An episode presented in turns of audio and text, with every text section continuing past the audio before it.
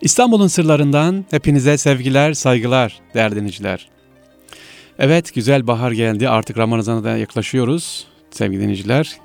İnşallah İstanbul'umuzu çok güzel rahat rahat gezmemizi Rabbim bizlere kolaylaştırsın inşallah. Bu arada bir teşekkürü hemen girişte belirtmek istiyorum. Çok güzel mailler geliyor efendim soruyorsunuz. Diyorsunuz ki İstanbul'u çocuklarımızla geziyoruz. Neler tavsiye edersiniz? Ee, sevgili anne babalar çok çok teşekkür ederim. Maillerin her birine ayrı ayrı ben cevaplıyorum. Hiç korkmayın e, hepsine cevaplayacağım. Evet İstanbul'u gezelim. Tabii ki gezilecek. İstanbul güzel.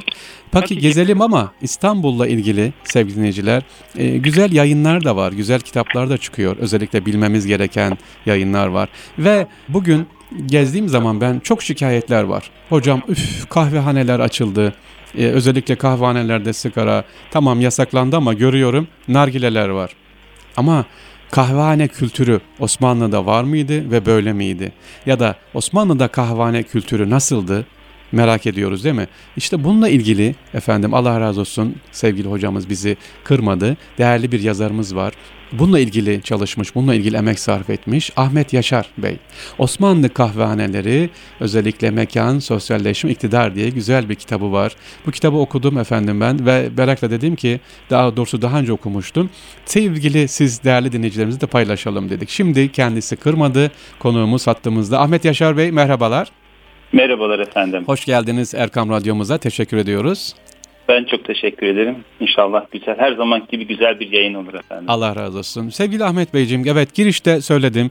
Maalesef kahvehane deyince bir böyle hmm, böyle burun kıvırma var değil mi? Ama Osmanlı kahvehaneleri böyle duman altı mıydı? Ee, yoksa kıraathane miydi? Yani okuma yeri miydi? Nasıldı? Biz isterseniz ilk sorudan oradan başlasak. Osmanlı kahvehaneleri neydi sizce? Buyurun. Aslında kahvehane o kadar çok boyut olan bir mekan ki Hı-hı. nereden baksak oradan bir şey söyleyebileceğimiz bir kültürel atmosfer, Hı-hı. sosyal mekan, şehir mekanı aslında. Hı-hı. Derseniz biraz tarihinden başlayalım. Lütfen. Evet kahvehane, kısaca. Nereden kahvehane. neşet etti, Tabii. hangi aşamalardan günümüze kadar geldi. Tabii buyurun. Hatta bilinenin aksine oldukça ilginç bir mekan. Şu anlamda bir Osmanlı kurumu olarak ortaya çıkıyor kahvehaneler. Hı hı e, sokakta insanları çevirseniz bir sokak röportajı yapsanız kahvehaneler nereden gelmiştir İstanbul'a desiniz muhtemelen Paris'ten ya da Londra'dan diyeceklerdir. Hı. Halbuki tam tersi. Kahvehane 16. yüzyılın başlarında Mekke'de, Şam'da, Kudüs'te ortaya çıkıyor. Hı hı. Ama bütün dünyaya yayılması 1550'lerde İstanbul'da açılmasından sonra gerçekleşiyor. Tam olarak hangi tarihte ve nerede açıldığını bilmiyoruz ama yani belgelerden tahminimiz 1550'lerin başında Muhtemelen limana yakın bir yerde Tahtakale civarında ilk kahvehaneler açılıyor. Hı hı. Ve sonrasında bir hızlı bir şekilde sayısı artıyor. Ve yaklaşık 100 yıl sonra Londra'da, Paris'te ilk kahvehaneleri görüyoruz. Hı hı. E, yani 16. yüzyılın ortalarında bir şehir mekanı olarak gelişen kahvehaneler yepyeni bir sivil deneyim aslında sunuyorlar insanlar için, müdavimler için. Ee, sevgili hocam ya dikkat edelim kahvehane diyoruz. Bugünkü gibi kafe demiyoruz. İşte şu kafeye evet. gidelim, bu kafeye gidelim değil. Kahvehane yani kahve evi ama orada sadece kahve içilmiyor. Demek dediğiniz gibi Kudüs'ten başlıyor, Osmanlı'ya geliyor ama evet, e, acaba heh, buyurun. Yani bu da önemli bir şey yani hangi kavramı kullanacağımız. Biraz biliyorsunuz son yıllarda bir kahvenin dönüşü var İstanbul'da hı hı. özellikle. Son bir 10 yıldır çok sayıda kahve zinciri açıldı. Hı hı. Ama bunların ismine kafe diyoruz. Çünkü Fransızca ismini kullanmayı Maalesef, tercih evet. ediyoruz. Nedense. işte az önce de ifade ettiğim gibi geçmişine baktığımız vakit bir Osmanlı kurumu olarak ortaya çıkmış. Sonrasında batıya gitmiş. Hı hı. Yani bir kendi kültürel değerimiz olduğunu bilmemiz lazım kahvehaneyi. Çok doğru. Hı hı. Ve kahvehane sadece kahve içilen bir yer değil aynı zamanda sohbet edilen bir mekan. Heh, ee, ben onu bir... onu istiyorum. Hani kahve bahane esas sohbet şahane evet. diyoruz ya. Niye kahvehane evet. kurulmuş amacı ne? İlk önce oraya başlayalım. Neden kahvehaneye gidiyoruz? Gönül ne kahve ister ne kahvehane. Gönül sohbet ister kahve bahane. Bahane doğru. Yani aslında çok küçük bir miktar para ödeyerek bir kahve ısmarlıyorsunuz arkadaşınızla ve o kahvenin etrafında saatlerce sürecek bir sohbeti gerçekleştirebiliyorsunuz. Evet. Uzun zamandır görüşmediğiniz arkadaşınızla görüşebiliyorsunuz ya da başka buna benzer şeyler yapabiliyorsunuz.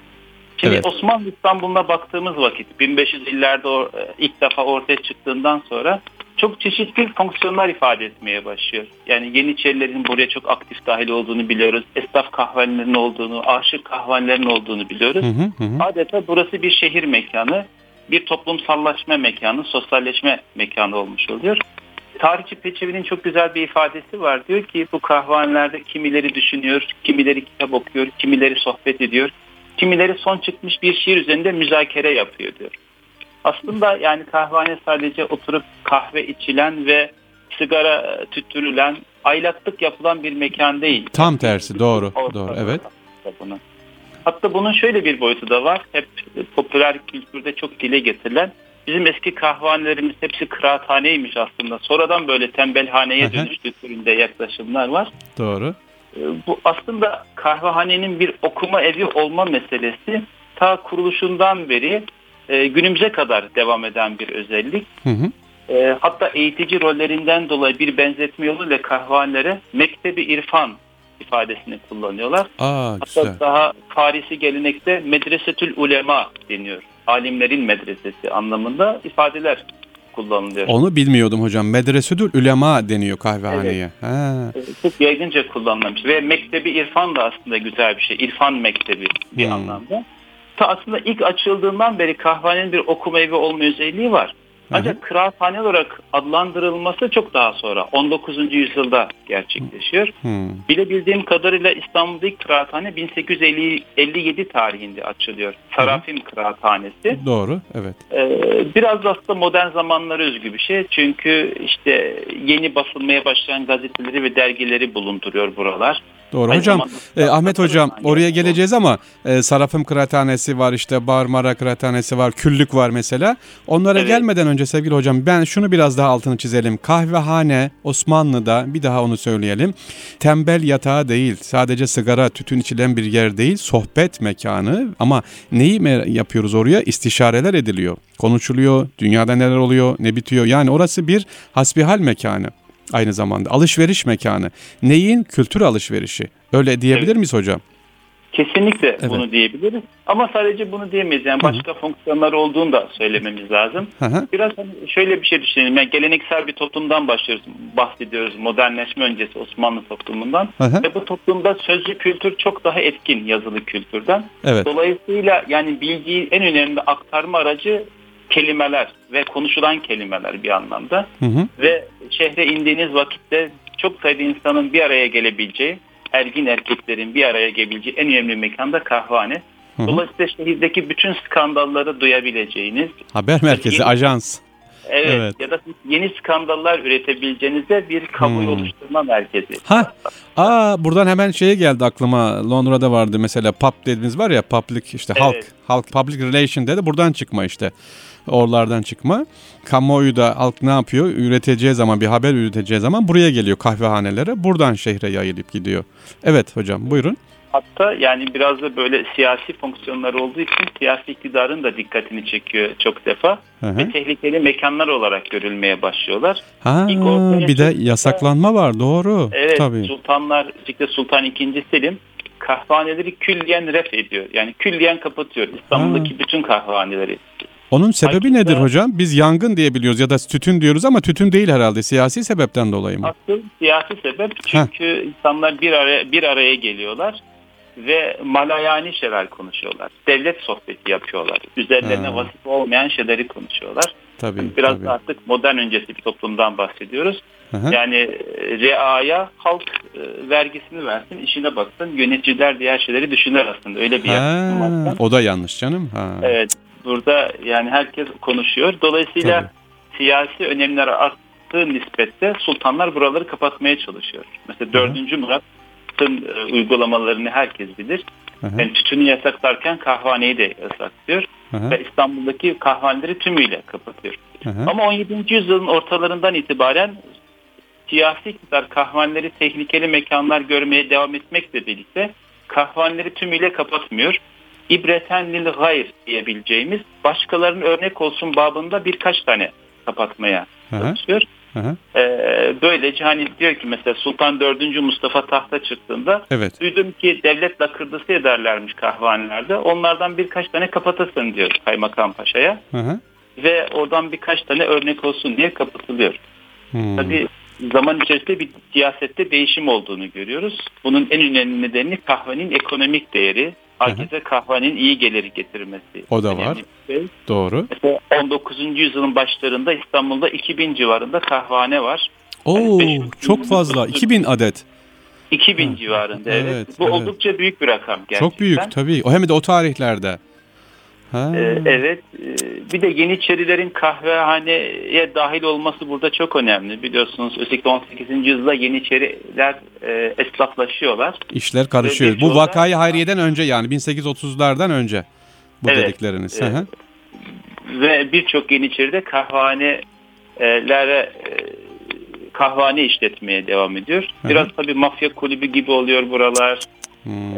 Veya isyan planlanan yerler oluyor. Oo, o da var doğru. Mesela Kabakçı Mustafa'nın aslında e, at meydanında bir kahvehane işlettiğine dair rivayetler var. Tam Aha. teyit edemediğimiz bir bilgi ama neden rivayet boyutu bile önemli. Yani Aha. kahvehaneler bu dönemde çok etkin bir siyasi kulüp olarak faaliyetlerini bulunuyorlar. Bundan Aha. dolayı biraz da siyasi iktidarın dikkatini doğru. çekmiş oluyor. Doğru, doğru. Onlar var. Peki hocam evet kaldığımız yerden devam edelim. En önemli kıraathaneler yani bizim dediğimiz okuma olan yer e, Sarafım Kıraathanesi dedik. Küllük herhalde var, Marmara var. E, biraz onlardan gazete okunuyor. Günlük yayınlar geliyor değil mi? Onlardan bahsedelim.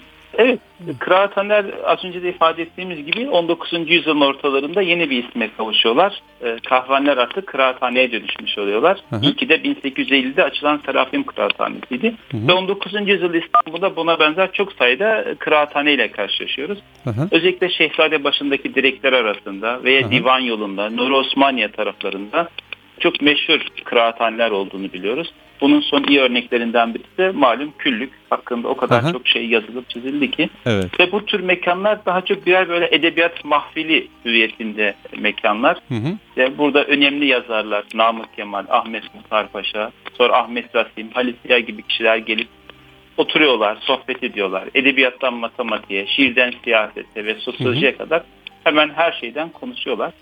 Hı. Aynı zamanda buralarda gazeteleri bulma imkanınız oluyor. Hı hı. Ya da yeni çıkan kitaplar görme fırsatınız oluyor. Bazı kıraathanelerde kitap satışı yapılıyor. Ha. Bir anlamda daha böyle kitap edebiyat mahfili hüviyetinde bir şey oluyor. Daha da ilginç olan bir şey aslında mahalledeki böyle daha küçük ölçekli kahvehanelerin de kıraathane tabelası asmaya başlamış, başlamış olmaları. Hmm. Bu çok ilginç geliyor bana. Müşteri çekmek yani, için evet. bir müşteri tabakasını çekmek isteyen kahvehane sahipleri kıraathane yazıp İçerisinde de birkaç tane de kitap koyuyorlarmış 19. yüzyılda. Hmm. Günümüzde daha da ilginci var. Kapısında kıraathane yazıyor ama içeride e, okey mas- Ay, masaları tabii var. Tabii ki tabii. Sigaralar, nargileler.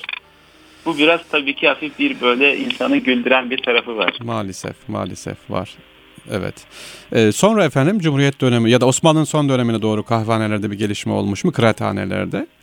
19. Ee, yüzyılın sonlarında İstanbul'da çok önemli bir değişim var aslında kahvehane kültüründe. Çayın İstanbul'a gelmesi. Ha, Tamam yani, önemli bir nokta. Kahve bitiyor çay, çay geliyor. Evet. Evet çay aslında hani günümüzde çok yaygın. Yani günde bir 10 bardak çay içmeyene biz e, yani biraz Doğru. yan gözle bakarız. Tiryakiler, tiryakiler. Ya, halbuki ama bu toplumda çayın geçmişi çok eski değil.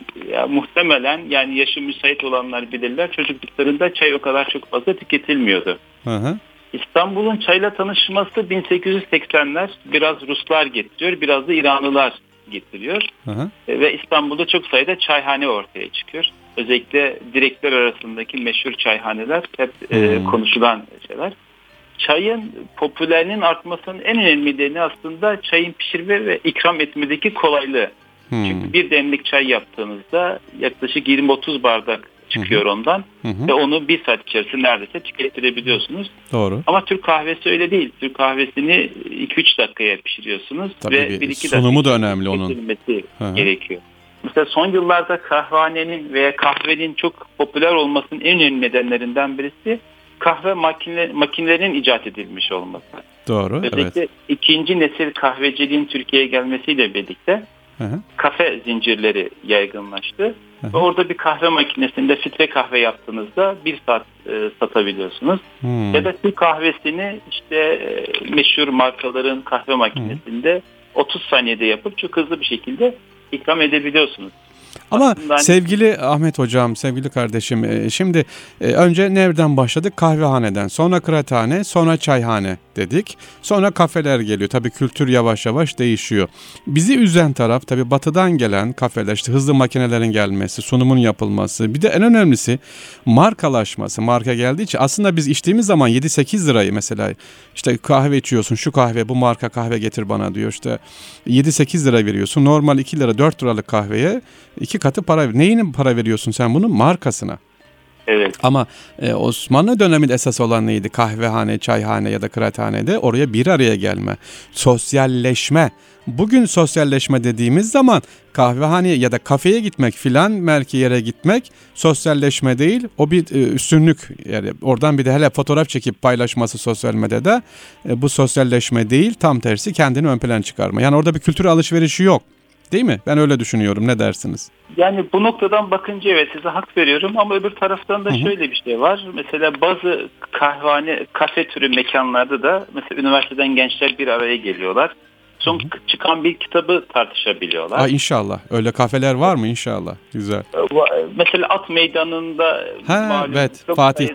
Sayıda, evet Fatih At Meydanı'nı e, şey yaptılar, yenilediler bu Avrupa 2010 Kültür Başkenti bağlamında hı hı. ve orada çok güzel kahvehaneler ortaya çıktı. Yani e, mesela hatırlıyorum biz birkaç arkadaş orada buna benzer şeyler yaptığımızı hatırlıyorum. Hı hı. E, veya mesela özellikle medrese kafeler bir ara çok popülerdi Sultanahmet taraflarında. Bir Doğru. zamanlar medrese olan e, mekanlar restore edilip bir tür kahvehaneye çevrilmişlerdi medrese kafeye. Hı hı. Ve orada mesela işte entelektüeller, yazarlar e, bir araya gelip çok daha şey böyle edebiyat mahvili hüviyetinde bir mekana dönüştürmüş oluyorlardı aslında. Hı hı. İstenen de bu zaten. çeken bir şey de bu kahve zincirlerinde. Hı hı, evet. E, bir böyle çalışma odası gibi yerler yapılıyor. Çok büyük bir masa. Gelip bilgisayarınızı takıyorsunuz. Hı hı. Bir kahve alıyorsunuz. 8-10 lira evet veriyorsunuz ama orada 4-5 saat çalışabilme imkanınız olmuş oluyor. Hı hı. Aslında bir değişen dönüşen bir kültür var bir anlamda. Hı hı. Hatta bazen hani bu olumsuz taraflarını görmekle birlikte kendime şöyle de sormaktan edemiyorum. Yani biraz böyle kahvanelere geçmişin nostaljisi olarak bakmayı bırakıp hı hı. yaşayan, değişen, dönüşen, her an canlı ve dinamik birer kültürel miras olarak bakmak daha anlamlı gibi geliyor bana. Tabii ki inşallah. O... Zaten bu değişim ve dönüşüm kahveni kültürün özünde de mevcut. Hı hı. Yani bir zamanlar kahve tiryakisi olanlar kahvene gidip bir kahve yudumluyordu. Duhan içiyordu, tütün içiyordu. Hı hı. Şimdi ise adı kahve, kafe, kahvane, kıraathane ne olursa olsun soğuk içecek içiyorlar, çay içiyorlar. Veya hı hı. İtalyan espressodan mülhem kahveler içiyorlar. Hı hı. Ama bütün bunlar yani değişen tüketim alışkanlıkları ve yaşam tarzlarıyla birlikte bize gelmiş oluyor. Yani hatta böyle nostaljiyi bırakıp günümüze biraz baktığımız vakit Bugün de o mekanı istersek çok da içerisini güzelliklerle doldurabiliriz diye düşünüyorum. İnşallah. Sevgili hocam şimdi Osmanlı Kahvehaneleri kitapları, kitabımız var. Kitabınızın ismi sizin editörlüğünü yaptığınız. E, mekan, sosyalleşme, iktidar diyoruz Osmanlı Kahvehaneleri. Ama bir şeyin altını çizeceğim şimdi. Kitaba geleceğim de tekrar. Bir sorun var hemen önce. Kahvehaneye tamam, sosyalleşmeye, bir araya gelmeye, kitap kültüre tamam. Fakat şu nargile ne oluyor? Üstelik de İstanbul'u gezerken benim gördüğüm hiç yakışmayacak mesela. Az önce dediniz ki medrese dediniz. Evet. Mesela Fatih'te efendim Dülgerzade Camii'nin arkasında güzel yerler var işte eski medrese yerleri. Ee, sokaktan geçemiyorum nargile kokusundan. Evlere evet. kadar sirayet ediyor. Ya da önemli medreselerin, tarihi yerler, Sultanahmet'te nargilenin ne işi var? Allah aşkına. Hele bir de böyle Osmanlı kıyafetleri giydiriyorlar. Gel fotoğraf çek diye. Ellerinde nargile. Bu mu? Yani evet. nargile dediğiniz sigara ve en zararlı sigaradan daha ağır zararlı. Bu konuda yani, ne diyeceksiniz hocam? Yani size çok katılıyorum. Yani nostaljinin böyle olumsuz tarafları da Heh. var aslında. Beni en çok rahatsız eden Çorlu Ali Paşa Medresesi. Ah, bak aynı konuya geldik. Evet. evet. İvan yolu üzerinde. Yani Hı-hı. orası bir medrese. Yani Hı-hı. medrese insanlara bir şey öğretmek için yapılmış bir, e, inşa edilmiş bir Değil mekan. mi? Tabii ki. Şimdi orası İstanbul'un en önemli nargile mekanı. Hı hı. Ee, yani bence bu pek hoş durmuyor. Yani geçmişten kalan mekanları ihya ederken e, aslında biraz asli fonksiyonlarına hitap eden şekilde ehliyetmek daha anlamlı. Mesela Sultanahmet'teki Yazarlar Birliği de bir medreseyi kullanıyor ama orada işte Hı. her hafta toplantılar, seminerler vesaireler evet. yapılıyor. Hı hı. Veya mesela yine Sultanahmet'te Sıbyan Mektebi'ni şey yaptılar, kıraathaneye dönüştürdüler. Bakın ne kadar güzel bir mekan hı hı, ortaya çıkmış oldu. Hiç nargile vesaire de yok. Koku yok etrafta. Ee, koku yok kesinlikle. Ee, şimdi ben bu arada... Tabii, Evet buyurun. Nargile tüketmek isteyenler de olabilir yani tabii ki yani insanların bir özgürlük alanı ama bu kadar şehrin merkezinde ve tarihi mekanlarda değil. Daha hı hı. kenar ve daha özel mekanlarda tüketmelerini ben öneririm şahsen. Hı hı. Hatta yani son yıllarda Türkiye'de bu sigara ve duhan yasağının hı hı. çok güzel bir katkı olduğunu düşünüyorum ben. Yani... İnşallah ama nargile nedense kamu spotlarına bakıyorum sigara ön planda. E, gençler arasında nargile ön plana gidiyor. Hazır hocam sevgili Ahmet hocam yeri gelmişken Osmanlı Kahveni kitabında nargileden bahsediyor muyuz? Biraz ondan nargile Osmanlı'ya nasıl gelmiş? Biz bu ne diyeyim ben bu sıkıntı bize nasıl bulaşmış? Ee, aslında şöyle bir şey hani malum kahvehane 1550'lerde e, ortaya çıkıyor. Tütünse yaklaşık yarım asır sonra 1600'lerin başında evet. e, İstanbul İstanbul'a geliyor. E, yeni dünyadan gelen bir tüketim alışkanlığı. Yani bir taraftan özellikle ehli keyif için çok kıymetli bir şey. Çünkü yani e, kahve duhanla birlikte çok güzel gidiyor. Hı hı, hı. Ama öbür taraftansa inanılmaz bir sağlık sıkıntısı Vücudukta oluyor. Hı hı. Ve e, dolayısıyla hani 1600'lerin başından beri tütün İstanbul'da çok iyi bilinen bir şey. Çok da iyi gelir getiren bir e, kalem olduğu için de devlet aslında hemen her dönem bunu desteklemiş oluyor. Doğru. Gerçekten tütünün bu, tütünün bu kadar yaygınlaşması da biraz modern zamanlara özgü bir şey. Yani sigaranın ortaya çıkması da tütün bu kadar çok yaygınlaşmış oldu. Hı hı, hı. Ve 20. yüzyılda inanılmaz bir sağlık e, zafiyetine sebebiyet verdiği milazasıyla hı hı. 1950'lerden beri birçok yerde yasaklanıyor. Evet bizde de keşke. Bence yani evet kahvehane ile tütün aslında yan yana koymamamız gerekir bence. Yani e, günde bir iki kahve içmek sağlık ve esenlik için çok kıymetlidir, sağlıklıdır. Ama bir iki fincanın ötesine geçtiğiniz vakit o da sigara gibi insana zarar vermeye başlayabilir. Doğru, ee, doğru. Yani demek ki her şeyin orta yolunu bulmakta fayda var. Aynen işte bu denge kaybedince gidince efendim e, Osmanlı'da e, bu önemli var hassas yani insanların sıhhati de önemliydi. Sonra bir yavaş yavaş gidiyor. Beni üzen sevgili Ahmet Hocam e, Ahmet Yaşar Hocam gençlerin buna cazip hale getirilmesi ki yanlış İstanbul'da özellikle bu giderek artıyor. Evet şimdi tekrar şeye gelelim efendim diğer e, günümüze gelelim. Hani küllük dedik Marmara Kıraathanesi'ni ben çok iyi biliyorum. Ya Allah rahmet etsin Nevzat Yalçıntaş Hoca'nın da müdavim olduğu, beş ünlü kişilerin de orada müdavim olduğu bir kıraathaneydi Marmara Kıraathanesi. Efendim bir de küllük değil mi? Küllüğü hatırlıyorsunuz evet, var evet. bunlar. Bunlar bir dönemde mesela bazı siyasetçilerimiz de buradan yetişmiş. Yani kıraathane deyip de geçmeyelim. Biraz bunlardan bahseder miyiz hocam? Yani şöyle bir şey düşünelim. Yani bugün basın çok yaygın olduğu için internet var, televizyon var vesaire. Birçok şeyi biz bunlar üzerinden haberdar oluyoruz. Hı hı. Ama biz 80 öncesi Türkiye'sini düşündüğümüz vakit yani bir haber öğrenmenin en önemli yolu çarşıya çıkmaktı hı hı. ve kahvaneye uğramaktı. Hatta evet. 70'lerde siyasetçiler 80'lerde bile Anadolu'ya gittikleri vakit böyle büyük mitingler düzenlenmeyip kahvanelerde daha küçük çapta Aa tabii e, tabii tabii. Süleyman Demirel'in ya da diğer Ahmet Ecevit'in sık sık kullandığı bir kahvaneler ya da diğer siyasetçilerin. Evet yani dolayısıyla hani kahvanenin böyle bir buluşma mekanı e, fonksiyonu söz konusu. Hı hı. Yani e, bugün birçok hani derneğin, sivil toplum kuruluşun görmüş olduğu vazifeyi aslında 19. yüzyılda ve 20. yüzyılın başlarında kahvaneler görmüş oluyor. Hı hı. Yani hani işte müsiyatta, igiatta, şurada ve benzeri kurumlarda insanlar bir araya geliyorlar, konuşuyorlar, tartışıyorlar. Aslında bunlar işte 19. yüzyıl İstanbul'unda ve 20. yüzyıl başlarında kahvanelerde gerçekleşmiş oluyor. Hı hı. Yani bir anlamda bu tür küllüğü Marmara Kıraathanesi'ni böyle de görebiliriz. Hı hı. Yani şimdi Bilim Sanat Vakfı'na gidiyor insanlar ama işte 80-90 yıl önce işte ya, külliye ya, gidecekti evet. ya da başka bir yere gitmiş evet, olacaktı. Doğru. Ee, şimdi elimde bir e, röportajınız var. Oradan bir cümle aktaracağım da sizin cümleniz. Çalışmanızda mesela 24 asırlık İstanbul Kahvehanesi'nin inceleme imkanınız olmuş. Çınaraltı Kahvehanesi Cibali semtinde 130-140 yıllık bir kahve demişsiniz. Yine Kumkapı'da karakolun hemen yanında yaklaşık 130 yılda hizmet veren Havuzlu Kahvehanesi var değil mi? Sizin çalışmalarınız arasında.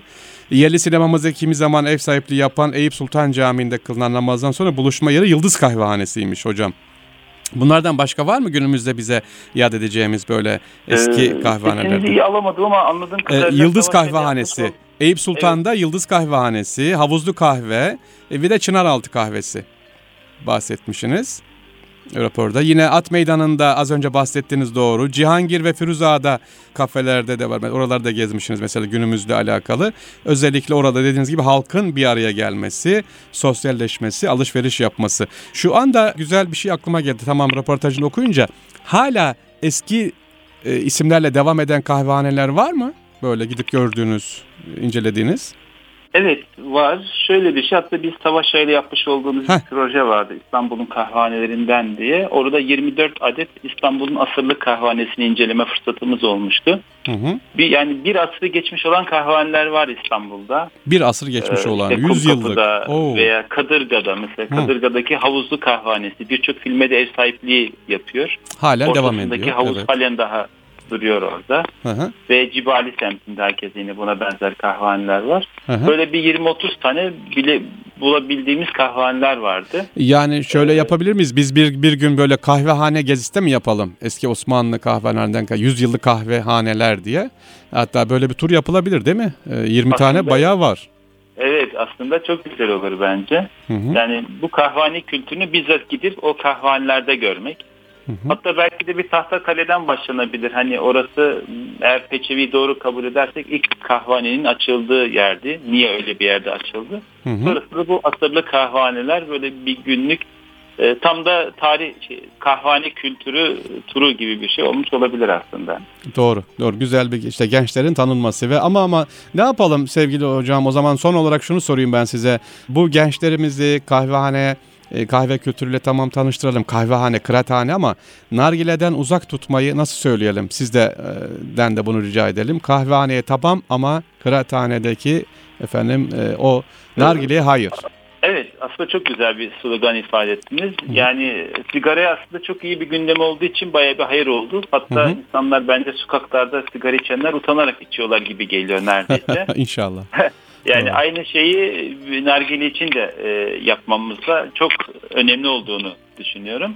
Ve kahvehane ile ilgili ben az önce ifade ettiğimi tekrar ifade etmek Buyurun. istiyorum. Böyle hani geçmişte nostaljik bir şey olarak bakmaktan ziyade günümüzün kahvanesine ve kahvane kültürüne bakmamız lazım diye düşünüyorum. Ayrıca yani bir mekanı iyi ya da kötü yapan aslında bizim onunla kurmuş olduğumuz ilişkidir. Hı hı. Eğer o mekanı eğer güzelliklerle doldurursak o mekan bizim için çok daha anlamlı ve güzel şeyler, netice vermiş olacak diye düşünüyorum. Doğru, doğru.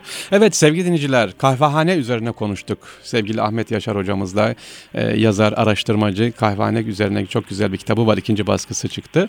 Bu kitapla ilgili konuştuk ve Osmanlı'da neyin üzerine durduk? Kıraathane, konuşma, sosyalleşme, kitap okuma, bilgi alışverişi. Günümüze de bunların özellikle 20-25 tane kahvehanenin Osmanlı kültürü üzerine devam ettiren olduğunu duyduk e, Sayın Ahmet Bey'den.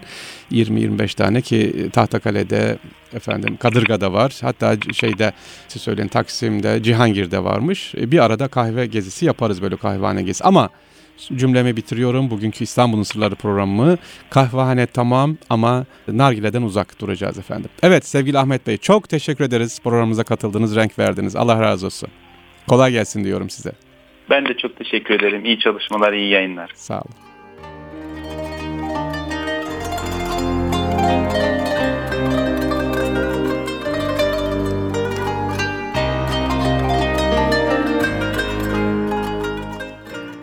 Ve sevgili dinciler, kahvehane, kıraathane üzerine konuştuk. Osmanlı'dan günümüze kadar gelen Ahmet Yaşar Bey ile.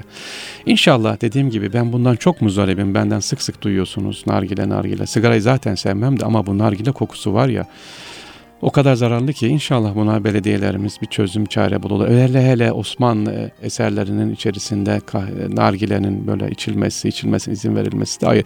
Nargile içilmesin demiyorum. Hiçbir şey yasaklayamazsınız. Hayır yanlış anlaşılmasın. Dediğim gibi herkesin özgürlüğü tamam. Ama e, daha hassas olunması, başkasına zarar verici şekilde olmamasını diliyoruz efendim. İstanbul'un sırlarından bugünlük bu kadar. Tekrar görüşmek üzere. Allah'a emanet olunuz. Kolay gelsin.